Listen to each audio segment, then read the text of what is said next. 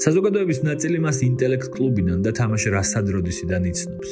პროფესიით ფიზიკოსია. ის აერდროს დირიჟორობა უნდოდა და გახდა კიდეც. დღეს მისი ძირითადი საქმიანობა ეროვნულ ბანკშია. პრეზიდენტის მრჩეველია. ასწავლის სტუდენტებს, დიდ დროს უთმობს საკუთარ ჰობის და კლასიკურ მუსიკას. მაშ ასე, მარკეტერის პოდკასტის სტუმარია ეკონომისტი გიორგი ბაქრაძე. პოდკასტში განვიხილავთ მის გზას ეროვნულ ბანკამდე, თავად ეროვნულ ბანკს და მის ძირითად ფუნქციებს. ასევე ვისაუბრებთ საკოლექციო მონეტებზე, რომელიც ასეთი პოპულარობით სარგებლობს საზოგადოებაში. დღეს ასევე ვისაუბრებთ დროის მართვაზე, ტვინის შესაძლებლობებზე. იფიქროს მაშინაც კი, როცა ჩვენ საქმით ვართ დაკავებული და რა გვჭირდება რასად როდისში გამარჯვებისთვის.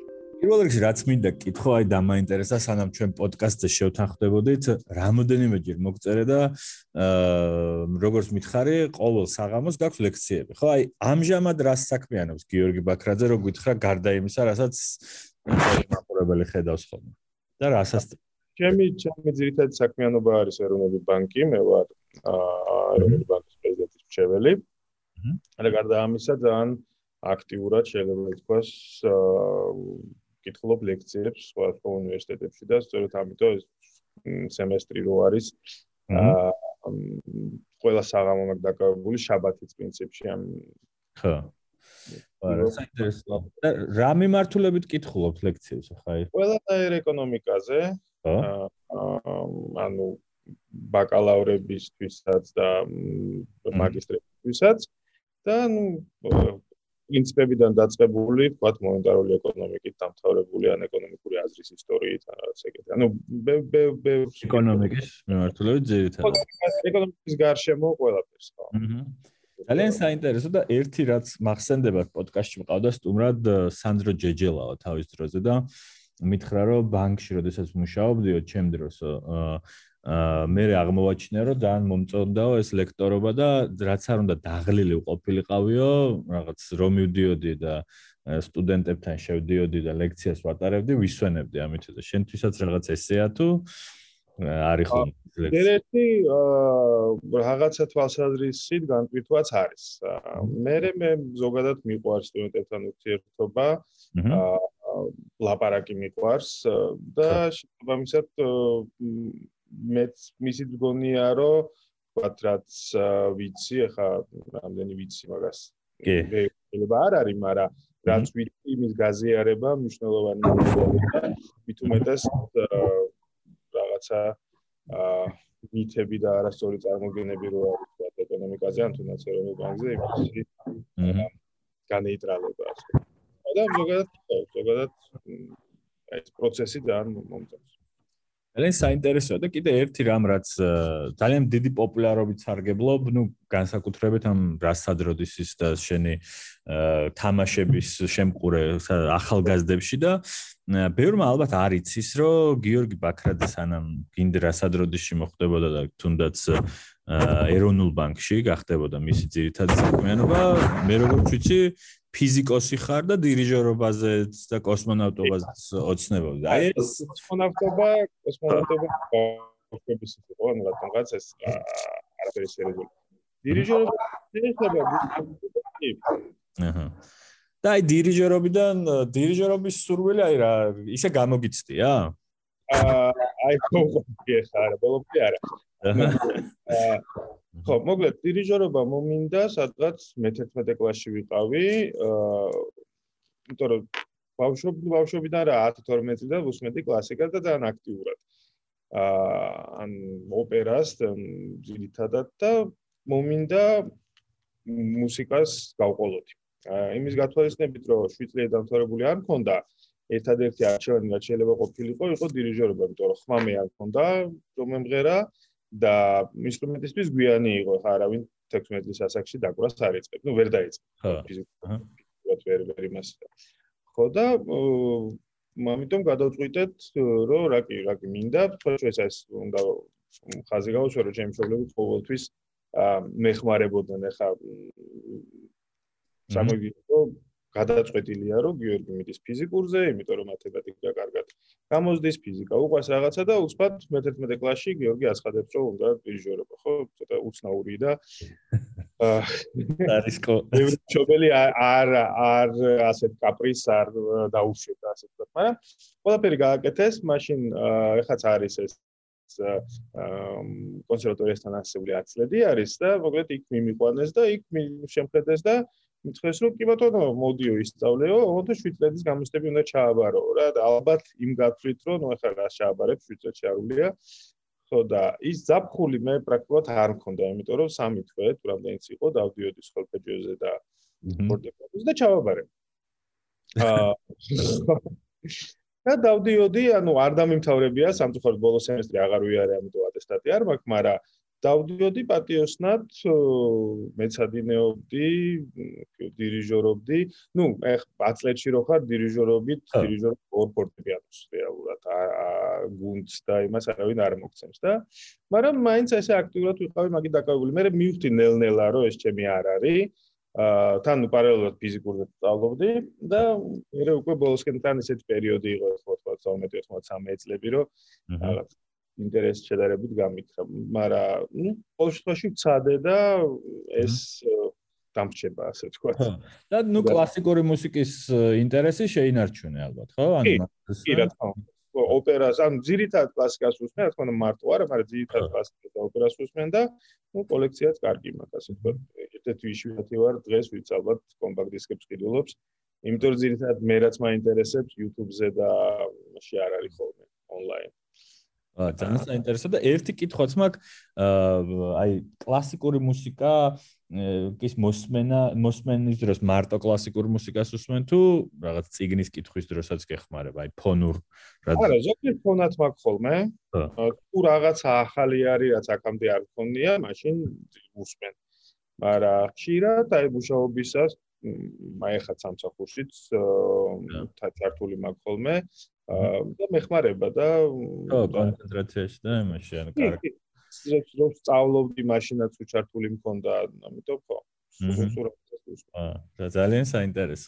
აა ერთი თემა რაც შენ ახსენე არის თვითონ ეროვნული ბანკი, რომელიც შენ ძირითადი საქმიანობაა და რაც მინდოდა მეკითხარი, რომ აა სმენელს მინდა გავაგებინოთ რა არის ძირითადი მისია ეროვნული ბანკის. და ერთ საინტერესო ისტორია მაქვს. მე ჯარის მოხდა მომიწია ეროვნულ ბანკში და საკმაოდ აქტიური დამკვირვებელი ვიყავი. თქვენი როგორ მიდი მოდიო ისეთი ხო ჩემთვისაც ხო ჩემთვისაც ის იყო. ოღონდ მაშინ ძველ იმაში იყავით ფილიალში იქით და რაღაც ამ ისტორიულ შენობაში რაღაც ყოველდღიურად მოდიოდით და მაშინ დავიწყე პირველად მე ჩემთვის მაშინ დავიწყე რომ ეს ეროვნული ბანკი ზუსტად რას ნიშნავს და სანამ დეტალებზე გადავალთ, აი მაინტერესებს, როდესაც გეკითხები, აი ყველაზე მარტივად რას ეუბნები ხოლმე? აი რა რას აკეთებს ეროვნული ბანკი ყველას, აი რატომ არსებობს?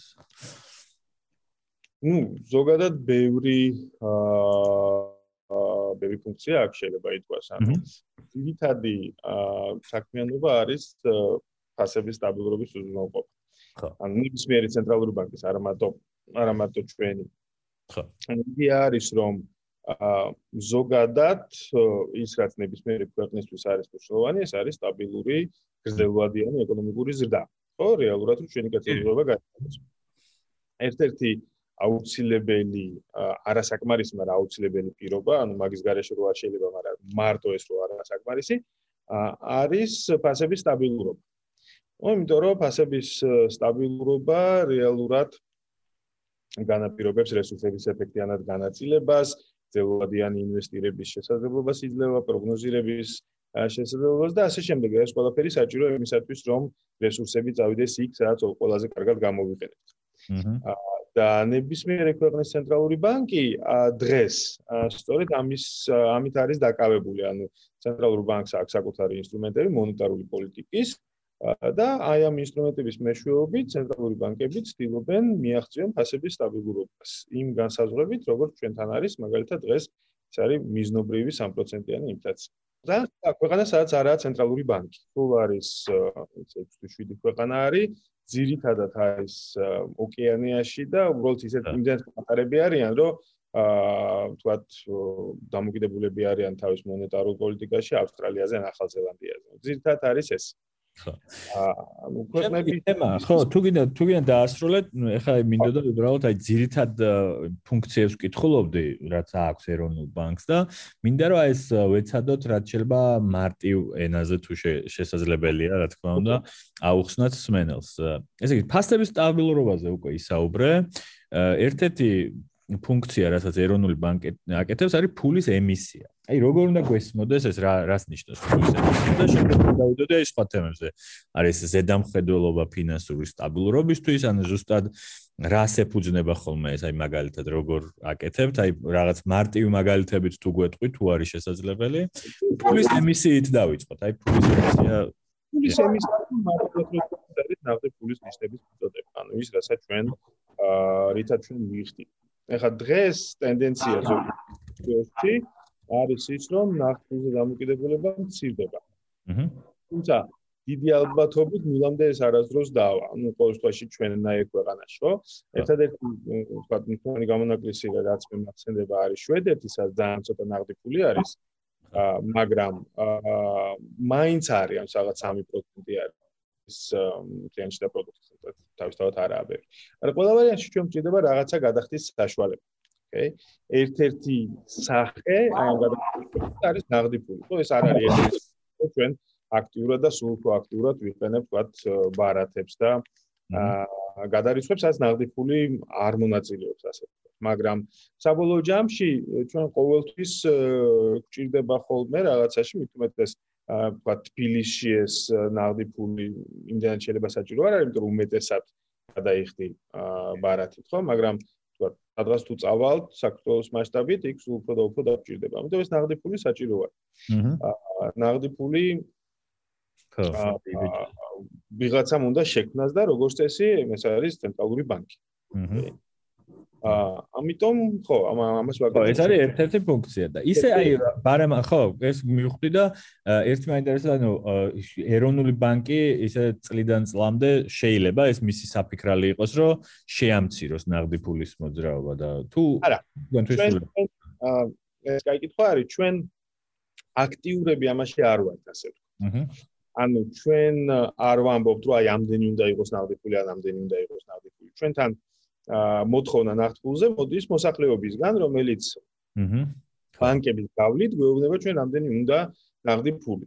აი სიტყვაზე რა ვიღოთ წინა საახალწლო პერიოდი, ხო? წინა საახალწლო პერიოდში ჩვენ ყველანი ვყიდულობ გოჭებს, ინდაურებს, გოზინახს ვაკეთებ, მიგოზი ხო? მე რაღაცას ამ დროს მოთხოვნა ნახტფულზე იზრდება. ბანკები ხედავენ, რომ ხალხს უფრო მეტი გამოაქვს ფული ბანკომატები და ვთქვათ და შესაბამისად ჩვენთანაც მოდიან იმისათვის, რომ ჩვენ მეტი ნაღდი ფული მივაწოდოთ. დაახლოებით მასე თუ თვითონ არ ყოფნით. ანუ ჩვენი როლი არ არის აქტიური, ჩვენი როლი არის რეაქტიული, ასე ვთქვათ. ანუ რასაც გინდათ, სადაც მოდის ჩვენთან, იმას უზრუნველყოფთ. აჰა. რომ შეფერხება არ კონდეს აი ამ ფინანსური სისტემის მოქმედებას, რაც ერთ-ერთი ნაწილი არის ფინანსური სტაბილურობის, რომელზეც ასევე იგი. ხო. აი შემდეგი თემა არის ზუსტად ეგ, რომ ერთ-ერთი ფუნქცია, რასაც ეროვნული ბანკი ასრულებს, არის ზედამხედველობა ფინანსური სტაბილურობისთვის. მაგრამ აი ეს რამე მაგალითით ან მარტივად რო გითხარი, რას ნიშნავს? ანუ რო რას რას აკეთებთ ამისთვის? ან ვის ვისზე გაქვთ ეს ზედამხედველობა? აი რო რისკი. ზედამხედველობა გვაქვს ჩვენ ფინანსური სისტემის ძირითად ნაწილზე. აა ანუ ჩვენ პირველ რიგში ვართ ბანკების ზედამხედველი, როგორც ქვეყნების უპირატესობაში, აი გლობალური ფინანსური კრიზისის მერე, აა სულ უფრო მაღალია ტენდენცია ბანკის და ზედამხედველის გაერთიანების. აა თავის დროზე მაგალითად ბევრ ქვეყანაში ცალ-ცალკე იყო. ჩვენთანაც იყო რაღაც პერიოდი ცალკე, მაგრამ მე აღმოჩნდა რომ ფინანსური სტაბილურობა და აა მონეტარული პოლიტიკა რაღაცა კუთხით გადაბულიც არის, ანუ ფასების სტაბილურობა და ფინანსური სტაბილურობა დაკავშირებული არის და ბევრ ქვეყანაში მოხდა ეს გამსხვილება ჩვენთანაც ზედამხედველობა დაბრუნდა ცენტრალურ ბანკში. საბანკო ზედამხედველობა და ნუ ეხლა ჩვენ გარდა ამისა სხვა ფინანსური ინსტიტუტებსაც ზედამხედველობთ. ანუ აქ მნიშვნელოვანი მომენტი არის ის, რომ საბანკო ზედამხედველობა როგორც თავიდან ის შეიქმნა, ასე ვთქვათ, და სხვა შორის საბანკო ზედამხედველობის პირველი მაგალითები ჯერ კიდევ ძველ რომში იყო. ანუ რომშიც არსებობდა ბანკების მსგავსი ინსტიტუტები და პირველი აი ეს საკანონმდებლო რეგულირება ხდება სწორედ მან. ბევრი შემოჩენილი არა, მაგრამ არის რა ქვია მეორადი წყაროებით ჩანს რომ აი რაღაცა ხდებოდა და რაღაცნაირად არეგულირებდნენ ჯერ კიდევ ძროხებს. მდელი იდეა მაგისი არის საბოლოო ჯამში დეპოზიტარის დაცვა, ანუ ვისაც იქული აქვს ის იმის საფრთხების უზრუნველყოფა. მაგრამ არა მხოლოდ, ანუ ფინანსური სტაბილურობა აი ამ წრილში შეგვიძლია განვიხილოთ, ხო? ანუ რეალურად გარკვეული მოთხოვნების დაწესება ბანკების მიმართ, ზოგადად ფინანსური სისტემის მიმართ, რომ რისკები, რომელიც ყოველთვის არის ფინანსური სისტემაში, მნიშვნელოვნად არ გაიზარდოს, რომ ფინანსური სისტემა აა ფინანსური სისტემა არ ხასიათდებოდეს რაღაცა ეპიზოდებით, სადაც ფუნქციონირებას ვერ შეძლებს, ანუ კრიზისები სადაც არის და გამძლე იყოს სხვადასხვა სტრესების და სხვადასხვა შოკების მიმართ. ანუ იდეაში სტაბილური ფინანსური სისტემა არის აუცილებელი პირობა იმისა, რომ რესურსები ეფექტიანად განაწილდეს, ფინანსური რისკების შეფასება და მენეჯმენტი მოხდეს სწორად და ასე შემდეგ. ანუ ყველაფერი ეს მნიშვნელოვანია, მათ შორის მონეტარული და ფასების სტაბილურობისთვისაც. ძალიან საინტერესო და შემდეგი თემა კიდე რაც არის ერთ-ერთი ფუნქციებში შემონათვალში არის მომხმარებლების უფლებების დაცვა. აი ეგ ჩვეულებრივ ფიზიკური პირის უფლებების დაცვაზეა და რა რა უფლებებს იცავს ეროვნული ბანკი? აი დაახლოებით როგორ? აა ანუ ჩვენთან აა პირველ რიგში რაც მნიშვნელოვანია, რასაც ჩვენ ვწევთ და ვაკეთებთ წარმატებით, ის ის ნაწილი ეროვნული ბანკის რომელიც მოხმარებელთა უფლების დაცვაზე არის მიმართული, ეს არის ფინანსური განათლება. ჩვენთან ფინანსური განათლების დონე ის არ მარტო ჩვენთან სხვა ჩვენს ბევრგან არ არის ძალიან მაღალი ანუ ადამიანებმა აა უბრალოდ არიციან და ეს არ არის თქვა რაღაც დასაძრახი უბრალოდ ნაკლები ცოდნა აქვს იმასთან დაკავშირებით როგორ მუშაობს ბანკი როგორ მუშაობს ფინანსური სისტემა რა უფლებები აქვს თქვა დეპოზიტარს რა უფლებები აქვს ეს სამღებს და ასე შემდეგ როგორ უნდა მართოს საკუთარი ფული როგორ უნდა მართო რისკები, ანუ ჩვენ ძალიან აქტიურად ამ კუთხით ვაქვეყნებთ ინფორმაციას. ну გარდა ამისა ჩვენ გვაქვს ცხელი ხაზი, სადაც ნებისმიერ ადამიანს შეუძლია დაარეკოს და თვითლის რომ ის უფლებები დარღვეული არის ბანკში ან ნებისმიერ სხვა ფინანსურ სისტემასთან დაკავშირებულ ორგანიზაციაში, შეუძლია მოგმართოს და ჩვენ აჰა თუ შეიძლება დავხმარებთ. ხო, მოკლედ ეს არ არის რა თქმა უნდა შესაძლებელი, ხო? იმიტომ რომ შეიძლება ადამიანს ეგონოს რომ ის უფლებები დარღვეულია და სინამდვილეში არ არის, ხო? მაგრამ უმეტესწილად ჩვენ ყოველთვის ვცემთ პასუხს და ნუ ან სწორ მიმართულებაზე დავაყენებთ ასე. ეგ ეუბნებით რამდენად ეს ხო, ანუ რა რა შეგვიძლია, რა შეგვიძლია მას გააკეთოს, რა უნდა გააკეთოს რომ გავშეს რომ აღარ დაუშვა სიტუაციას და ასე შემდეგ, ხო? იმიტომ რომ ჩვენთან აი ეს აა ნიშნულოვანი მომენტი არის ეს ფინანსური განათლება, ხო? მაგალითად ხალხმა შეიძლება არ იცოდეს, ან ადრე მით უმეტეს 90-იანებში, რომ თქვა რა ვიღაცა თუ პირდება თვეში 30%-იან 70% საპროცენტო განაკვეთს შენ დეპოზიტების ეს არის ცალსახად ტყუილი ხო? ეგეთ რაღაცა არ არსებობს და ეს იმას ნიშნავს რომ ეს არის რაღაც თაღლითური სქემა კონცი სქემა ხო? ანუ ჩვენთან ეგ 90-იანში ძალიან კარგად იყო გახსოვს რამდენი და დაძდევდნენ და ხო მე ერთი ხო ხო. ხო და ეგეც ფინანსური განათლების ნაწილი არის და არა მარტო ეგ ეგ ყველაზე უფრო ზედაპირზე რაც არის. ამიტომ ჩვენ ვცდილობთ ეს მაქსიმალურად ვაწოდოთ ინფორმაცია მოხმარებას ამასთან დაკავშირებით და დავეხმაროთ რომ ისეთ შეგვიძლია. აი ფინანსურ განათლებაზე ზუსტად აქაც კითხავი, მაინტერესებს აა თვითონ ჩვენ სადმე ხო რაიმე ანუ საგანმანათლებლო კომპონენტში, თუნდაც სკოლებში ხო არ უშვებთ შეცდომას, რომ საერთოდ მე როგორც ვიცი ყოველ შემთხვევაში საერთოდ არ ვაწვდით მოსახლეობას ინფორმაციას და მე ეს ხალხი რომ გამოდის ძალიან მარტივად იჯერებს თუნდაც იმას, რომ აა 30%-იანის დაეკნება. ან რაღაც უცნაურ ინვესტირებებს აკეთებენ თემებში, სადაც კარგად არესმით და მე გვაქვს ამის ძალიან ბევრი მაგალითი და სხვა ქვეყნებში არის მაგალითი, რომ აი სკოლაში ფულზე, ფულ ინვესტირებაზე მეც საუბრობდნენ თუ ერთი ნაწილი აი ამ ფინანსური განათლებისა არის ერთი კომიტეტი არის, სადაც ფინანსების სამინისტროდ არიან სხვადასხვა მოწყობებიდან არიან, რომლებიც და მიდის მუშაობა სასკოლო კურიკულუმის ცვლილებაზე, ანუ რაღაცა ცვლილებები უკვე არის შეტანილი და რაღაცა ცალკე საგანი შეიძლება არ იყოს, მაგრამ ეს საზოგადოებრივ ცნობიერება იმაში არის უკვე რაღაცა ელემენტები ამ ფინანსური განათლების. ამიტომ ეგეც ნაწილია იმისა, რასაც ჩვენ ამჯერად უკვე სხვებთან ერთად, როგორც როგორ ისე არასამთავრობო სექტორთან და საგანმანათლებლო სექტორთან ერთად ვაკეთებთ. აჰა. და ეგეც მიდის და მე მგონი ეს ძალიან მნიშვნელოვანი არის. აა იმიტომ რომ აა რავი, გასაგებია რომ თქვა ჩუშანიკის თანაბარ მნიშვნელოვანი ქვია ციგნია და ზეგლი ლიტერატურის, მაგრამ არანაკლებ მნიშვნელოვანია უფრო თუ არა ბავშვმა იცოდეს როგორ უნდა მართოს საკუთარი ფინანსები. აჰა, აუცილებლად. იქ ცალკე აა საბოლოო ჯამში ალბათ უნდა კი მithos ახლა დღესდღეობით რომ დარჩეს იარსებოს და პრობლემები არ კონდეს ცხოვრებაში მინიმუმ თავის ფინანსების ეს მართვა და რაღაც უნდა ესმოდეს. კიდე ერთი თემა და ფუნქცია, რაზეც ეროვნული ბანკი მუშაობს, ეს არის საერთაშორისო რეზერვების მართვა. და ესეც რომ გვესმოდეს, რას ნიშნავს, რა საერთაშორისო რეზერვს მართავთ, ანუ ზუსტად რო გავიგოთ რა რას რას ნიშნავს ეს ყველაფერი. აა საერთაშორისო რეზერვები ეს არის რეალურად ქვეყნის აა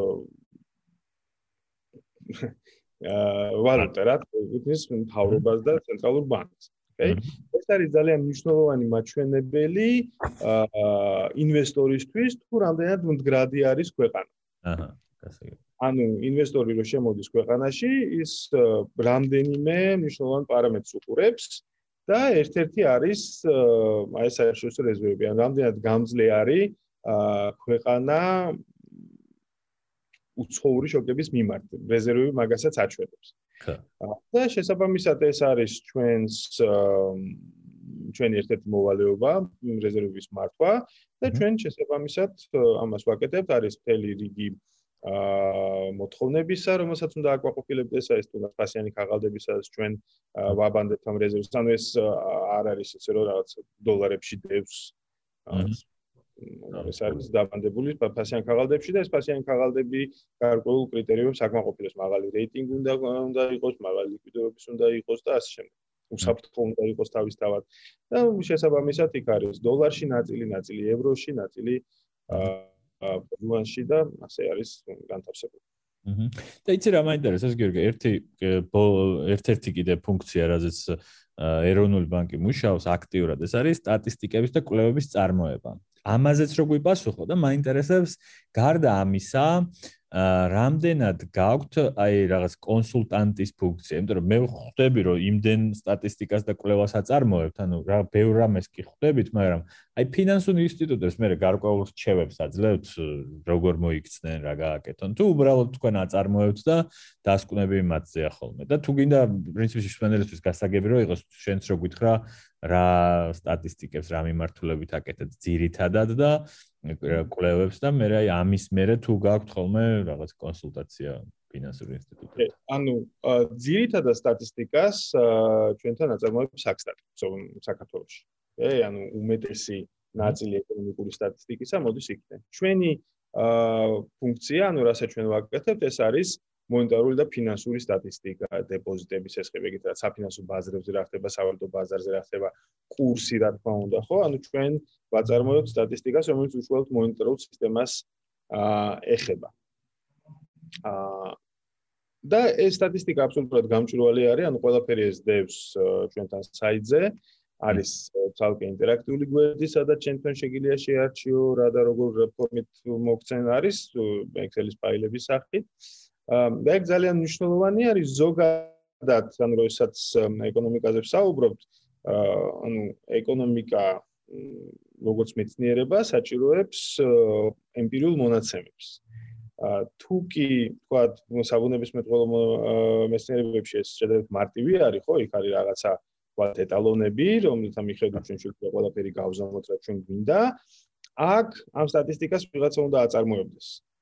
და შესაბამისად რაც უფრო მრავალფეროვანი არის და ბევრი არის ხელმისაწვდომი სტატისტიკა, მით უფრო კარგად შეგვიძლია ჩვენ ქვეყნის ეკონომიკის შესწავლა. ამიტომ ეს სტატისტიკა ჩვენ რო გვაქვს და ნუ შესაბამისად ის დიდი ნაწილი რაც საქსტაც აქვს რო არსებობს, ეგ არის მნიშვნელოვანი წინაპირობა ნებისმიერი კვლევისა, რომელიც საქართველოს ეკონომიკას შეეხება. მაგის გარეშე კვლევის ჩატარება შეუძლებელია. და რაც შეეხება ამ კონკრეტულ შემთხვევაში რა ურთიერთობა ფინანსურ ინსტიტუტებთან, ახლა ფინანსურ ინსტიტუტებს მსხვილებს განსაკუთრებით აქვს თავისი კვლევითი დეპარტამენტები ან ჯგუფები, რომლებიც თვითონ მუშაობენ ამას, ანუ ისინი იყენებენ სავარაუდ ჩვენ სტატისტიკაზე, მათ სავარაუდ თავისი წეკნებად, რაც შეიძლება ჩვენთან არ დებს, მაგრამ მაგათ აქვს კონკრეტულად რაც მაგალითად თავად აი ამ ფინანსურ ინსტიტუტს შეეხება სიტყვაზე. და ისინი ამას იყენებენ. მე თუ თქვათ რაღაცა კითხვები უჩნდებათ ან აჰა აინტერესებდაციებში თუ რა თქმა უნდა მაგას მიოცდან ჩვენით აა ჩვენი ფუნქცია შემოთვალება იმით რომ გარკვეული მოთხოვნები დაუწესოთ უთხრათ რა როგორ უნდა გაკეთდეს. იმ აა თქვათ დადგენილებების და აქტების ფაგებში რომელიც განსაზღვრავს ჩვენს აა ფუნქციებს როგორც ზედამხედველისა ან როგორც ფინანსური სტაბილურობის აა უზრუნველყოფის აჰა ძალიან კარგი და საინტერესო ძირითად ფუნქციებს შევეხეთ, რაც ახლა პრინციპში მგონია რომ სმენელისთვის საკმარისია გაიგოს ეროვნული ბანკის საქმიანობა ძირითადად რას ეხება. და ერთი თემა მინდოდა ასევე ცოტა ჩემთვისაც უცხო იყო დაახლოებით 1 წლის წინ, იმიტომ რომ ძალიან მომწონს ხოლმე ეროვნული ბანკი, როდესაც უშვებს ამ საკოლექციო მონეტებს და ერთ დღეს ავდექით და განვიზრახეთ, რომ მოდი, რატომაც არა.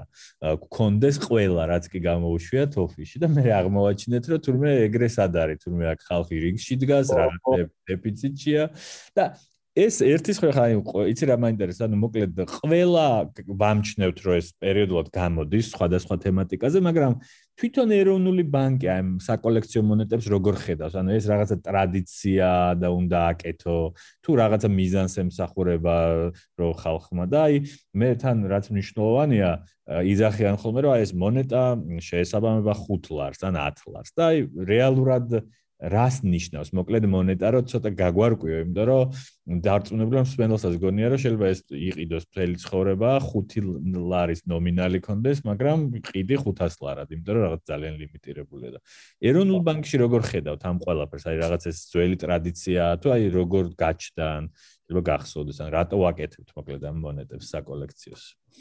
როგორ გაჩნდა საკმაოდ ძველი აა სარი ეს ტრადიცია რა ქვეყნები ჩაკეთებენ ამას ხო. კი რა თქმა ყველა ქვეყნის ქვეყნის ცენტრალური ბანკი დრო და დრო უშვებს საკოლექციო მონეტებს ფედერალური საფედერალო სისტემა ცალკე და რა ვიცი ევროპაში ცალკე უშვებენ სხვა ჯერ ლიეტუვა ზარაფხანა არის ძალიან ცნობილი ამითი.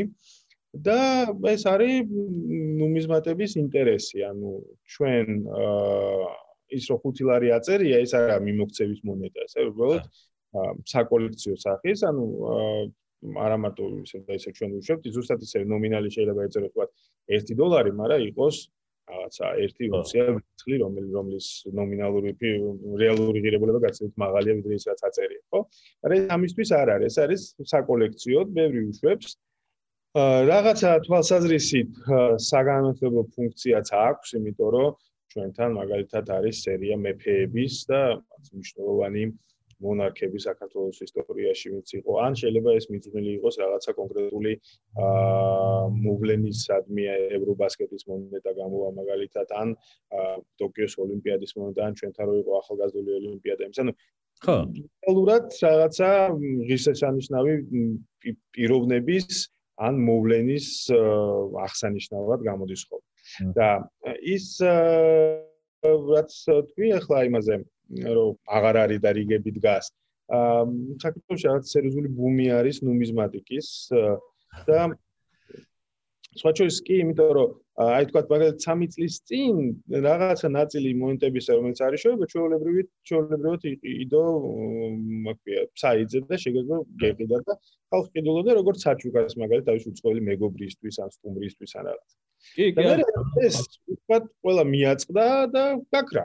და ძალიან ისეთი აა ბუმი არის აქტიური და აჰა ჩვენი ის როგორ არის? აი სიტყვაზე ძველზე თუ არის მოთხოვნა გამეორება შეგიძლიათ თუ აი რომ მოიჭრა 500 წელი მორჩა პრაქტიკა არ არის. ეგეთ პრაქტიკა არ არის. რამდენიც ვიცი აქ სოფლიოში არის რომ როცა დიდი მოთხოვნა არის და მაგით თავიდან მოუჭრა თუმცა თავს ვერ დავდებ რომ არსად არ არის ხოლმე.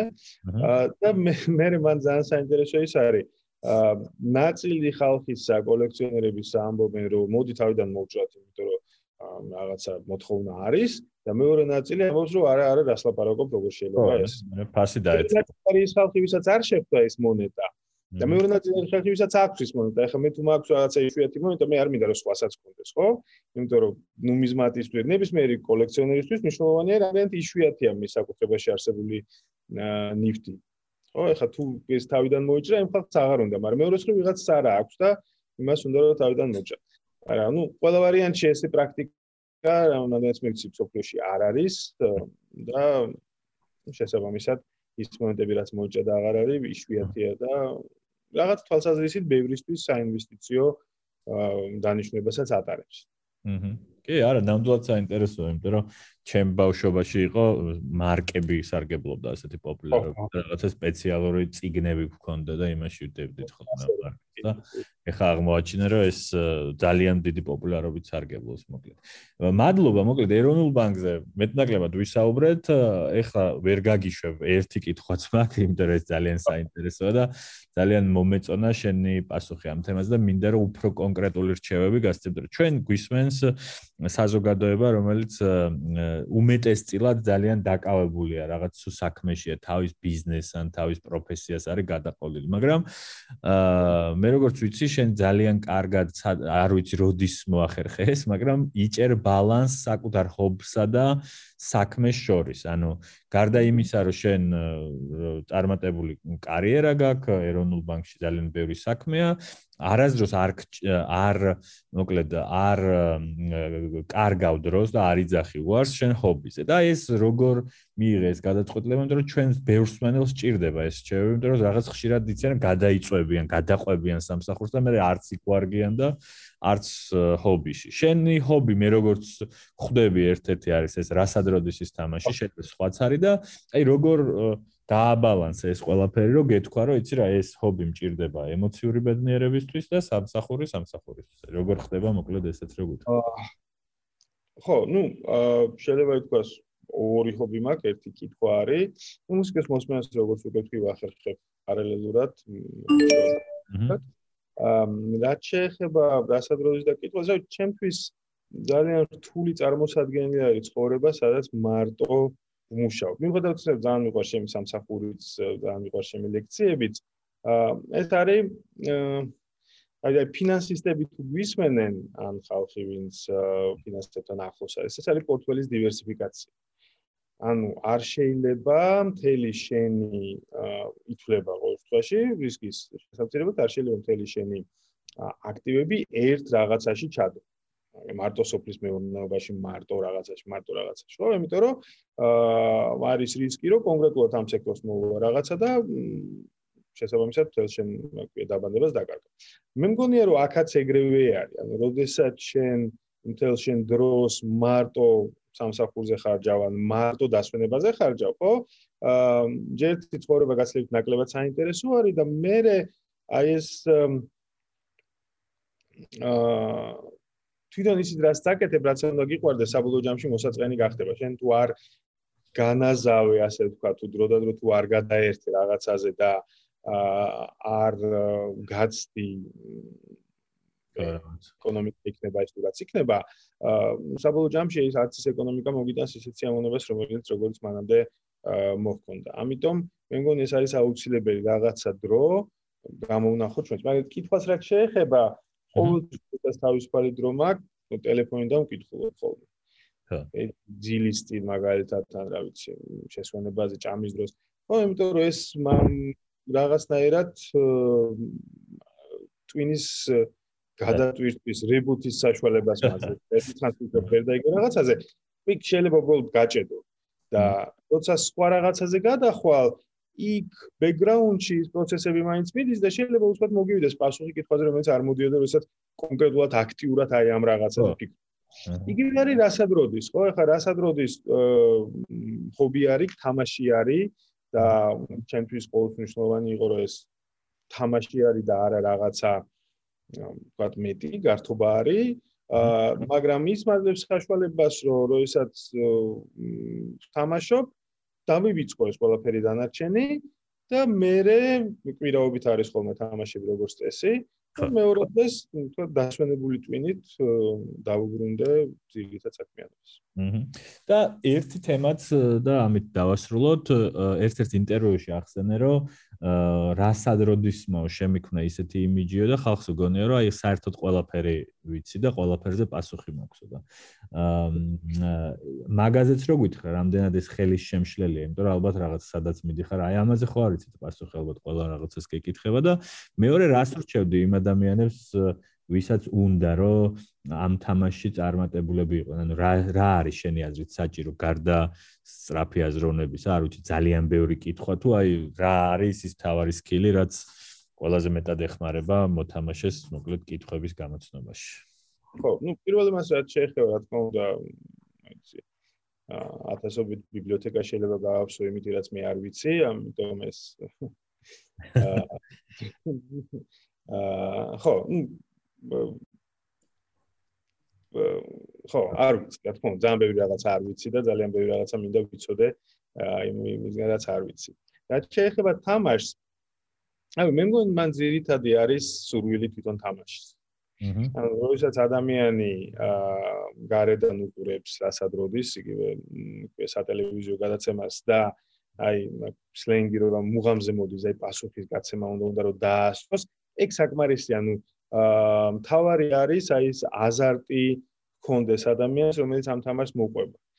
დანარჩენი მეურადი არის. ანუ დანა ხა კითხვა და რაღაცების დაზეპირება ეგ ამ თამაშისთვის არ არის. კი არის რაღაც სხვა თამაშები თქვა რომელიც წმინდა ცოდნაზე არის სადაც ხო ვიქტორინები და შენ ფაპკვიზები და ეგეთ რაღაცები ხო მაგრამ აქ არის აქ მნიშვნელოვანი არის აი ეს აზარტი კონდეს აჰა ჯინი აი ამ თამაშის გინდოდეს და ხუთი შენაერი ადამიანი იპოვა. ან ხალხი ძალიან ხშირად ყოფილა, რომ აა უბრალოდ მისულა, თქვია, კლუბში, ვიღაცა მოთხა რომ მიდი კლუბში, მაგალითად ერთ-ერთი აა საუბრობს მოთამაში ვინც არის, ჩემი ჩემი გუნდელი. აა შეგვიძლია თუ გია დაასახელო. კი, კი, აა ის არისო არანაირად კავშირში აი ამ ჩვენს მოძრაობასთან და მე ვიღაცა მოთხა რომ აი გიყვარს ეგეთ რაღაცები, მიდი და ითამაშეო და აა ეხა თამაშობს და მართლა ერთ-ერთი საუკეთესო არის. ანუ არსაიდან შეიძლება ადამიანი მივიდეს, უბრალოდ იმიტომ რომ აინტერესებს. თავარი არის მე მგონი რომ აინტერესებდეს და მეტი არაფერი მან პირველ არა. და ცადოს. და და ხო.